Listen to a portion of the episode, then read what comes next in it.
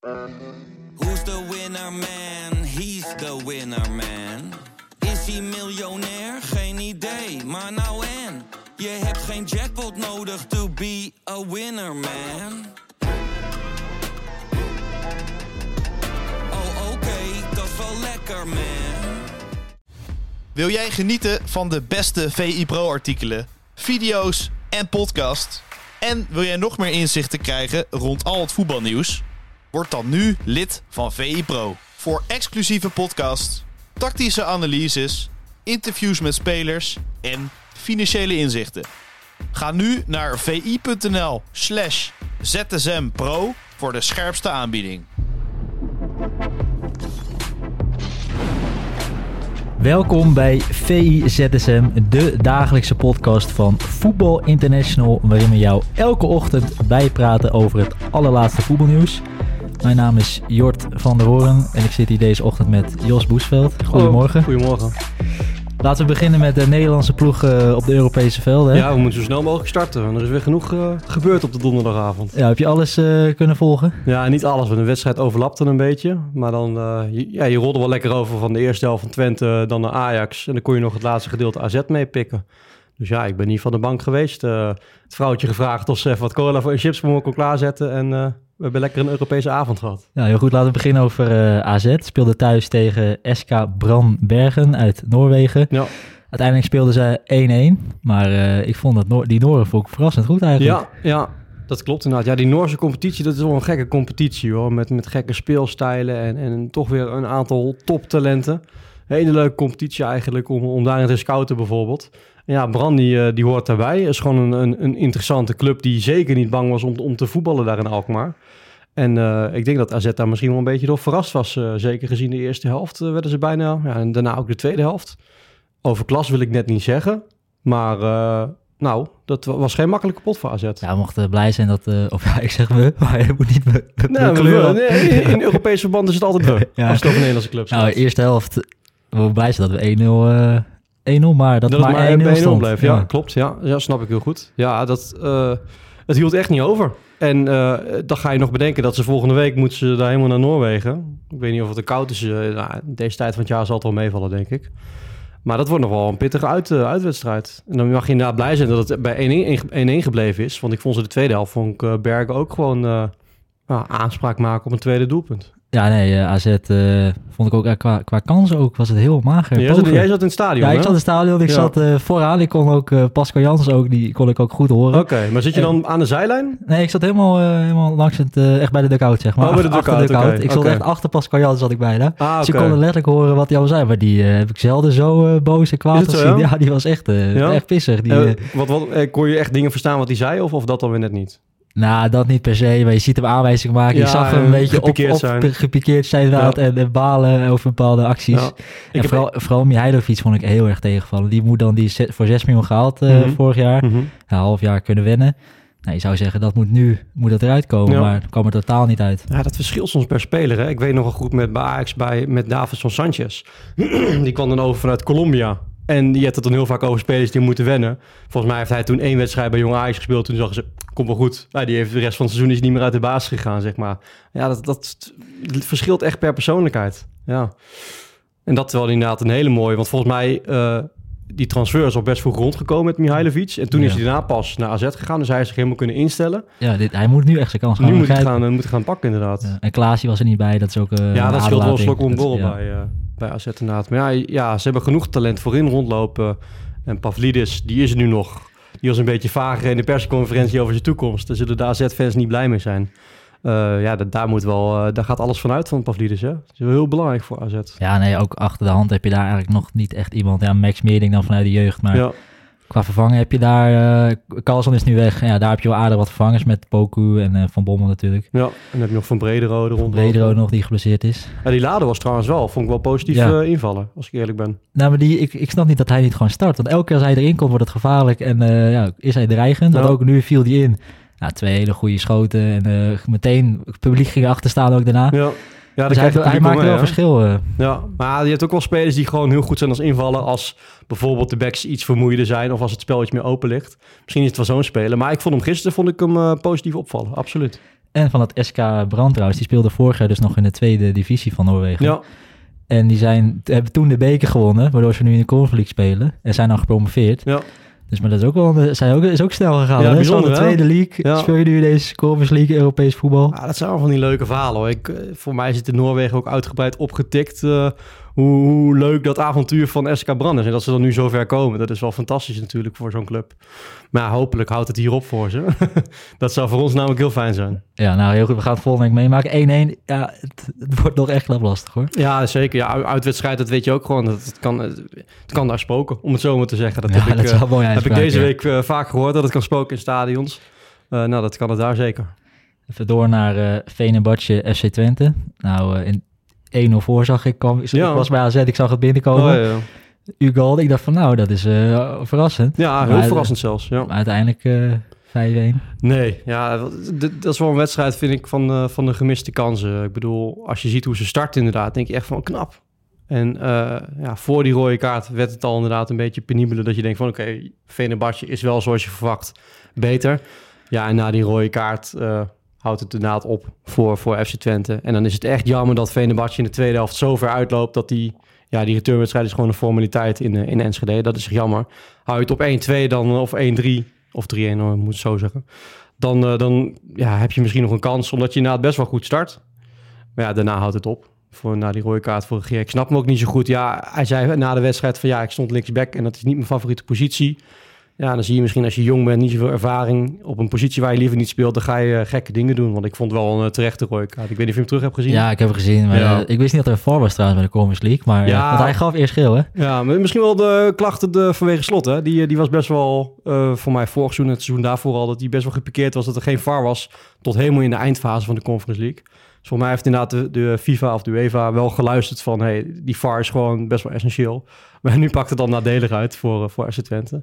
Maar het was wel rood. Het was echt Ja. een benenbrekertje. Wauw, de paars bijna. Ja, ik, vond bijna, het echt, ja, eh, ik vond het echt een hele pittige overtreding. Ja. ja, en dan is het jammer. Kijk, dan heeft Venebatje gewoon die individuele kwaliteiten om, eh, om dat mannetje meer eh, uit te buiten. En ja, dat dan 5-1 wordt, dat, dat is echt zo gigantisch jammer. Want ja, dat gaat, ja, dat gaat gewoon pijn doen dat FC Twente uitgeschakeld wordt. Het is net een beetje vorig seizoen. Weet je, dan komen ze het eerste, eerste keer, de rondes komen ze door. En dan op de eerste echt goede tegenstander, ja, daar, daar bijt je je tanden op stuk. Dat was vorig seizoen natuurlijk met Fiorentina. Ja, een oud Eredivisie-speler Zetadic scoorde, Simanski. Ja. En Oosterwolde nog, oud Twente. Ja, dat was wel een feest eh, der herkenning eh, bij Venebatje. Ja. Ja. Dus nou, dat stond ik hoorde Flap. eh, Flap had ook nog een goede kans op 2-0 trouwens. Ja, Eh, klopt. Ja, het had echt heel anders kunnen lopen. Daarom zei ik, het is wel echt een wedstrijd van de gemiste kansen. Want inderdaad, je komt op 1-0, wat heel knap is. En dan, ja, dan krijg je misschien die Turken zelfs een beetje stil daar in het stadion. Nou, die krijg niet snel hoor. Die krijg je niet snel stil. En toch, het, voor mij werd het iets, iets minder. En dan, ja, als die 2-0 valt, dan, dan krijg je wel inderdaad een hele andere wedstrijd. En dan ben ik ook bijna zeker dat die rode kaart bijvoorbeeld niet valt. om- Omdat je heel anders in de wedstrijd komt te zitten. Ja, en dan loopt het toch zo. En dan, ja, dan is 5-1 opeens wel een hele pijnlijke uitslag. Ja. Maar de helft van Enschede hoorde ik Flap ook zeggen na afloop. Het Ja. kan- het kan- jij zegt net spoken, maar... Spoken, het kan, ja, het kan ook spoken daar in de golfvesten. Nou, nee, maar dat, dat, zien we niet meer, dat zien we niet meer gebeuren. Dus we kunnen Twente helaas afschrijven. Het enige wat we nog kunnen hopen, dat ze nog misschien een uh, coëfficiëntpuntje pakken via een overwinning nog uh, 2-1 of zo, 3-1. Maar daar blijft het denk ik bij voor Twente. Ja, en dan gaan we van Twente naar Ajax. Ja. Die speelde tegen Ludo Gorets uit. Wonnen met eh 1-4. Ja, Kudus de grote man, hè? die had, gaf nog even drie cadeautjes eh, Zo, met drie ja. goals. Een hele grote man. Ja, die, die speelde een ijzersterke afscheidswedstrijd. Want Ja. voor mij na de wedstrijd zei hij ook van ja, dit, uh, waarschijnlijk is dit mijn laatste wedstrijd geweest voor Ajax. En uh, Maurice Stijn die, uh, die, die zei dat ook. Ja, mooi afscheidscadeau. Ik vind het wel een hele vreemde situatie rondom Koeders, als ik heel eerlijk ben. Want je, ja, we hebben dus met VI gemeld dat uh, Ajax en Brighton waren eerder hier akkoord geweest over Koeders. En toen is het blijkbaar zo geweest dat Koeders uh, zijn zaakwaarnemer geen persoonlijk akkoord met Brighton bereikte. Dus die transfer was afgeketst. En toen zei Ajax van, je krijgt, uh, je krijgt een paar dagen om je transfer af te ronden. En daarna zijn de afspraken die we gemaakt hebben, die gelden al een stukje minder. Want ja, Ajax had gezegd tegen Koeders, je mag deze zomer mag je vertrekken voor dit en dit bedrag. En dat bedrag was ongeveer 40 miljoen euro met een doorverkooppercentage, wat bonussen erbij. Nou, toen zei dus ja, dat, dat ultimatum was verlopen. En dan denk je van, hé, hey, Ajax gaat nu een stuk meer vangen voor Kudus. En dan komen de berichten door, die hebben wij overigens zelf nog niet kunnen bevestigen. Maar vanuit buitenlandse media krijgen we dan door van, hé, hey, West Ham en Ajax hebben een akkoord bereikt over Kudus. En dan gaat het over 41 miljoen of 41,5. Uh, wat, wat bonussen en een doorverkooppercentage. Dus het verschil is niet zo groot tussen het eerste bod wat Ajax accepteerde van Brighton en wat er nu blijkbaar geaccepteerd is van West Ham. En dan denk ik van, als, het is zo'n goede speler, die ga je met zo weinig dagen op de transferdag, uh, transfermarkt uh, over, die ga je niet kunnen vervangen. Dat, dat lukt niet. Als je zo'n goede speler hebt, die kan Ajax niet betalen en die ga je niet zomaar vinden dat je hem zomaar kunt inpassen. Dus je, ja, je kunt het bijna niet uh, verkopen aan je fans, om het zo maar te zeggen, om Koeders te verkopen. Dat, het voelt heel gek. En als er dan zo weinig verschil zit tussen het eerste bod en het tweede bod, wat geaccepteerd is, vind ik dat best wel gek als ik eerlijk ben. Ja, nee, hoe je het zo zegt, uh, ben ik helemaal met je eens. Maar ja. ik, inderdaad, Kudus uh, wil misschien zelf dan ook wel die stap maken. Ja, nee, zeker. Kijk, en, daarom Ajax heeft hem de ruimte gegeven. En toen, ja, met Brighton, blijkbaar is het niet gelukt, uh, denkt hij hoog, hoger te kunnen gooien bijvoorbeeld. Of misschien meer te kunnen verdienen, dat weet ik natuurlijk niet. Maar het blijft dan gek dat er zo weinig... Ik had echt verwacht van oké, okay, voor 40 miljoen laten ze hem niet gaan. Dan wordt het minimaal 50 miljoen bijvoorbeeld. Dat dacht ik. Want ja, nu Ajax heeft gewoon met een doorlopend contract alle touwtjes in handen. Ze hebben van tevoren goed gecommuniceerd van... hey, je mag je transfer tot die datum uh, afronden. En daarna uh, gelden de afspraken bijvoorbeeld minder of niet meer. Ja, dan vind ik het, vind ik het gek dat er, dat er alsnog zo weinig geld het laatje in komt. Het is nu, natuurlijk is nog heel veel geld. Maar in vergelijking met het eerdere bod wat geaccepteerd is... vind ik het een klein verschil. Ja, ik ben echt heel benieuwd hoe uh, Ajax dit op gaat vangen. Inderdaad. Ook ja. goals, assist, die, die, ga je echt missen. Die ga je echt missen. En, en, en, en als je ook weer kijkt naar gisteren, Koeders was de enige die uh, ja, vanuit het niets iets kan creëren. Kijk, het is een speler die, die of een, of een 4 scoort of een 10 of zo, moet te zeggen, weet je. Zo'n zo speler is het. Ja, gisteren was hij gigantisch belangrijk. Ja. Ja, nou ja, uiteindelijk uh, wonnen zij met 4-1 natuurlijk. Maar goed, dat is natuurlijk... Uh, ja. dat, dat, die, gaat, die gaan wel door. Ja, die gaan wel door. Ik vond wel een paar positieve punten bij Ajax, als je het zo bekijkt. Ik vond Gorter op doel. Ja, had een hele, hele goede redding. Een paar goede reddingen, maar ook gewoon dat hij rust uitstraalde. Dus dit kan hij ook gewoon lekker meenemen in zijn rugzakje ja, richting meer speeltijd. Want ja, het, het lijkt er wel op dat hij gewoon voorlopig eerste keeper blijft. dus heeft hij een beetje geluk. En uh, geluk, geluk, dat, hij, dat ja, Rudy dan geblesseerd raakt. De een zijn dood is de ander zijn brood, moet je ja. het zo maar zeggen. En geluk dat die, dat die nieuwe keeper, die Ramai, nog niet, uh, ja, uh, zich nog niet heeft kunnen laten zien aan Stijn op, in oefenwedstrijden en zo. Dus ja, die, die grijpt zijn kans. Ik vond Wijndal positief verrassen. Dat is natuurlijk veel te doen geweest over de linksback-positie. Maar die vond ik best wel sterk spelen. Aan de andere kant Rens ook. Die was natuurlijk ook belangrijk bij die 1-0 van Kudus. met, de, met de balverovering. En Berghuis natuurlijk terug van zijn schorsing in Europa in de Eredivisie is nog gesport, uh, geschorst. En, ja, Stijn stelde meteen op. Hè? Stijn stelde meteen op. En, en, uh, en terecht, want hij speelde, hij speelde echt heel goed daar op 10. Uh, ik ben wel heel benieuwd hoe dat, hoe dat gaat als hij straks weer inzetbaar is, ook in Nederland. Ja. Nou, zover over Ajax. Ja. Dan het meest gelezen VE Pro-analyse van Pieter Zwart over de nieuwe aanwinst van Feyenoord, nummer 10. Ja. Moet ik Ivalucek was, die, die was de andere, hadden we niet, konden we niet goed uitspreken, maar ik hoop dat ik deze wel goed uitspreek. André Linger. Linger, ja. Linger.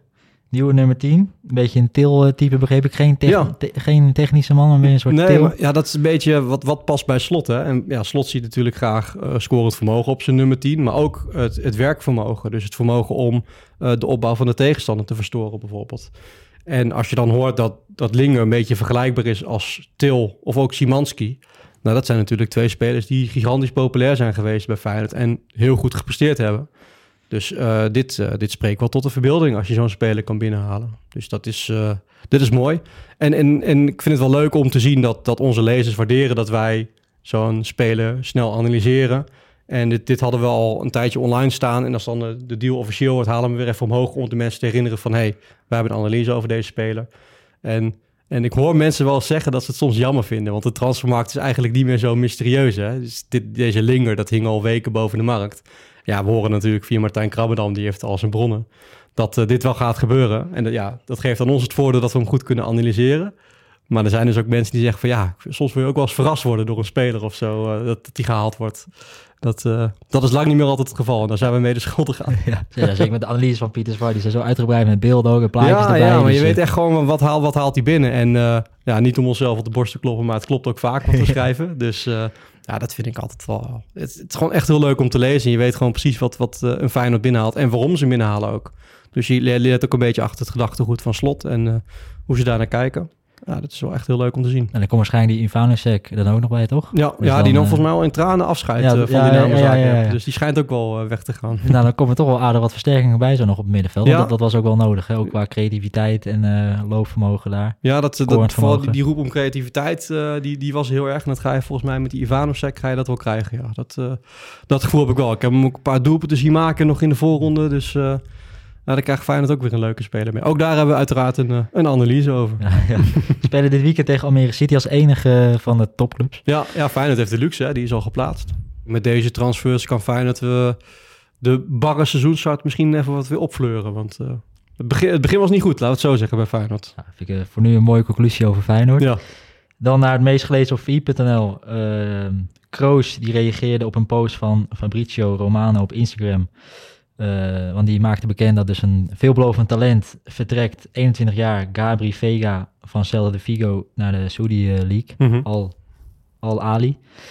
Eh, ja, hij reageerde met beschamend. Punt. ja, ja. Ja, vind ik toch wel mooi dat nu grote spelers daar zich ook een beetje om bekommeren. Ja. ja, en toch vind ik het misschien weer een beetje makkelijk scoren. Kijk, je weet niet in wat voor situatie zo'n speler zit. Hè? Ik, volgens mij is het al voor jaar en dag sinds het Bosman-arrest... helemaal lang geleden dat spelers eh, transfervrij kunnen zijn. Daar ging het uiteindelijk om, dat Bosman-arrest. Zijn er gewoon spelers die voor het geld kiezen? Ja, dat heb je nou eenmaal. En geef ze ongelijk. En eh, ja, zo'n jeugdspeler, je weet niet, hè? je carrière kan zo voorbij zijn. Eén kruisbandblessure en het komt misschien niet meer goed. Dus ja, als je gigantisch veel kunt verdienen. Ik heb begrepen dat hij ook eh, in onderhandeling was met Napoli, volgens mij. Ja, en als dan een Saoedische club met een, verdubbeling of een v- verdriedubbeling komt met het aanbod. En je, je weet van, oké, als ik hier twee jaar voetbal of drie jaar voetbal... dan kunnen mijn kinderen en de kinderen van mijn kinderen... en de kinderen van die kinderen eh, met het gemak naar de universiteit of naar school, weet ik veel wat. Ja, dan zegt de maar eens nee tegen. Dus aan de ene kant, ja, het is zonde dat zo'n groot talent van de Europese velden verdwijnt. Maar ja, financieel gezien, eh, sorry, kan ik het op die leeftijd, zelfs op die leeftijd kan ik het wel begrijpen. Ja, Nou, je zou zeggen, Celta de Vigo, dat is toch wel een, mooie Spaanse club. Je zou zeggen dat je daar nog wel kan ontwikkelen. ja, nee, dat, ja zeker. Ja, voor de ontwikkeling is het natuurlijk heel anders. Want eh, ja, we zien wel, eh, ook bijvoorbeeld met Messi, ook de MLS is niet Europa. En Saudi-Arabië is niet Europa. Het, het gaat daar gewoon, het, ze zijn daar gewoon iets minder goed in het algemene, de algemene kwaliteit. Dus voor de ontwikkeling is het inderdaad matig. Maar ja, voor de ontwikkeling van je bankrekening... eh, ja, misschien komt hij over drie jaar wel terug... en dan heeft hij alsnog een hartstikke mooie carrière in Europa. Ja, je weet het niet. Ja. Dan eh, eindigen we even, want jij, hebt nog, jij gaat ook nog een mooi verhaal maken over de coëfficiënten. Ja, ik heb vandaag een eh, dienst voor VE Pro. En dan, dan gaan inderdaad de pijlen gericht worden op de coëfficiënten. En ja, qua, qua uitslagen is het eigenlijk nu nog niet zo belangrijk wat er allemaal gebeurt. Omdat dit nog maar de heenwedstrijden waren van de play-offs. En alle coëfficiëntenpunten die je kunt behalen per wedstrijd worden gehalveerd door de UEFA in de voorrondes. Dus dat maakt nog niet zoveel uit. Maar het, gaat, het is wel echt belangrijk dat zoveel mogelijk teams die, die groepsfase halen. En eh, voor PSV is er nu een interessante discussie aan het ontstaan. Die staan natuurlijk eh, na 2-2 tegen Rangers op de rand van de groepsfase van de Champions League. Of ze gaan naar de Europa League.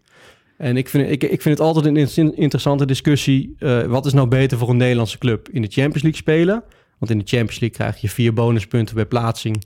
En ja, eh, financieel gezien is het natuurlijk ook fantastisch. Maar puur coëfficiënten, ga je kijken naar die bonuspunten, ja, dan krijg je er vier. Maar in de Europa League wordt gezegd, daar is de weerstand wat lager. Kun je via eh, het winnen van wedstrijden in de groepsfase meer coëfficiëntpunten pakken. Dus ik, ik, die discussie zie ik eigenlijk best wel vaak in onze comment-sectie onder, onder stukken over de coëfficiënten. En eh, ik wil het nu eens gewoon even gaan uitzoeken. Dus ik ga gewoon even in het verleden duiken. Eh, de gemiddelde scores van PSV in de Champions League en de Europa League op een rijtje zetten. En misschien ook even van andere clubs. Even kijken hoeveel tijd er over is. En dan wil ik gewoon eens gaan kijken, wat is nou beter? Want eh, ook bijvoorbeeld eh, Frankrijk heeft er ook mee te maken gehad. Die zagen Marseille wegvallen uit de Champions League. En Portugal met Braga, volgens mij. Die, die, die staan ook misschien op de rand van de Champions League. Dus het is gewoon interessant om te gaan kijken van hoe verhoudt zich dat? Kun je nou beter in de Champions League of de Europa League voetballen? Dat ga ik vandaag even proberen uit te zoeken. Nou, interessante kwestie inderdaad. Maar de Conference League, als je Conference League, zeg maar, dat is dan de laagste Europese. Als je dan wint, dan krijg je toch net zoveel punten als zeg maar, de Champions League. Ja, zeker ja. Nou, dat, dat wel. Maar dus je hebt inderdaad eh, met de Champions League krijg je dus ten eerste al vier bonuspunten voor het, voor het plaatsen voor de, voor de groepsfase. Oh. En als je doorgaat naar de knock-out fase, krijg je ook nog eh, vier bonuspunten. En dat was vroeger nog anders. Eh, voor, voor de komst van de Conference League had je zo dat als je in de Champions League eerst of tweede werd in de groep, kreeg je vier bonuspunten. En in de Europa League kreeg je twee bonuspunten als je eerst of tweede werd. En nu is het zo dat als je in de Europa League eerste wordt, krijg je vier bonuspunten. Dus daar zit alweer een verschil. En bij de eh, Conference League eh, krijg je, krijg je ehm, voor mij één bonuspunt. Ik moet heel eerlijk toegeven dat ik dat niet uit mijn hoofd zeker weet. Dan moet ik even opzoeken. Ik dacht dat je één bonuspunt kreeg als je doorgaat naar de volgende ronde. Dus na vandaag zit jij helemaal in de coëfficiënt. Ja, zit ik er weer helemaal in inderdaad. Ja. Ik moet ook weer even, het nieuwe seizoen is begonnen, dus ik moet mezelf ook weer even een beetje opfrissen. Maar eh, ja, dat lijkt me een leuk onderwerp om even uit te spitten, want ja, dat levert gewoon altijd discussie op. En eh, kijken of ik kan bijdragen aan die discussie. Nou ja, goed. Dus voor de mensen, ga vooral naar VI Pro, hè? Ja, ja ik ga zo snel mogelijk eh, werken nadat we deze podcast hebben afgerond. En dan, dan komt het online. Nou, uitstekend. Jos, dan zeg ik... Gaan we- wil gaan we ik het zeggen? Wil ik me graag afsluiten? Ja, ga ik het zeggen. Oh, dat ga je het zeggen. Oké, Tot nou, ZSM. Tot ZSM.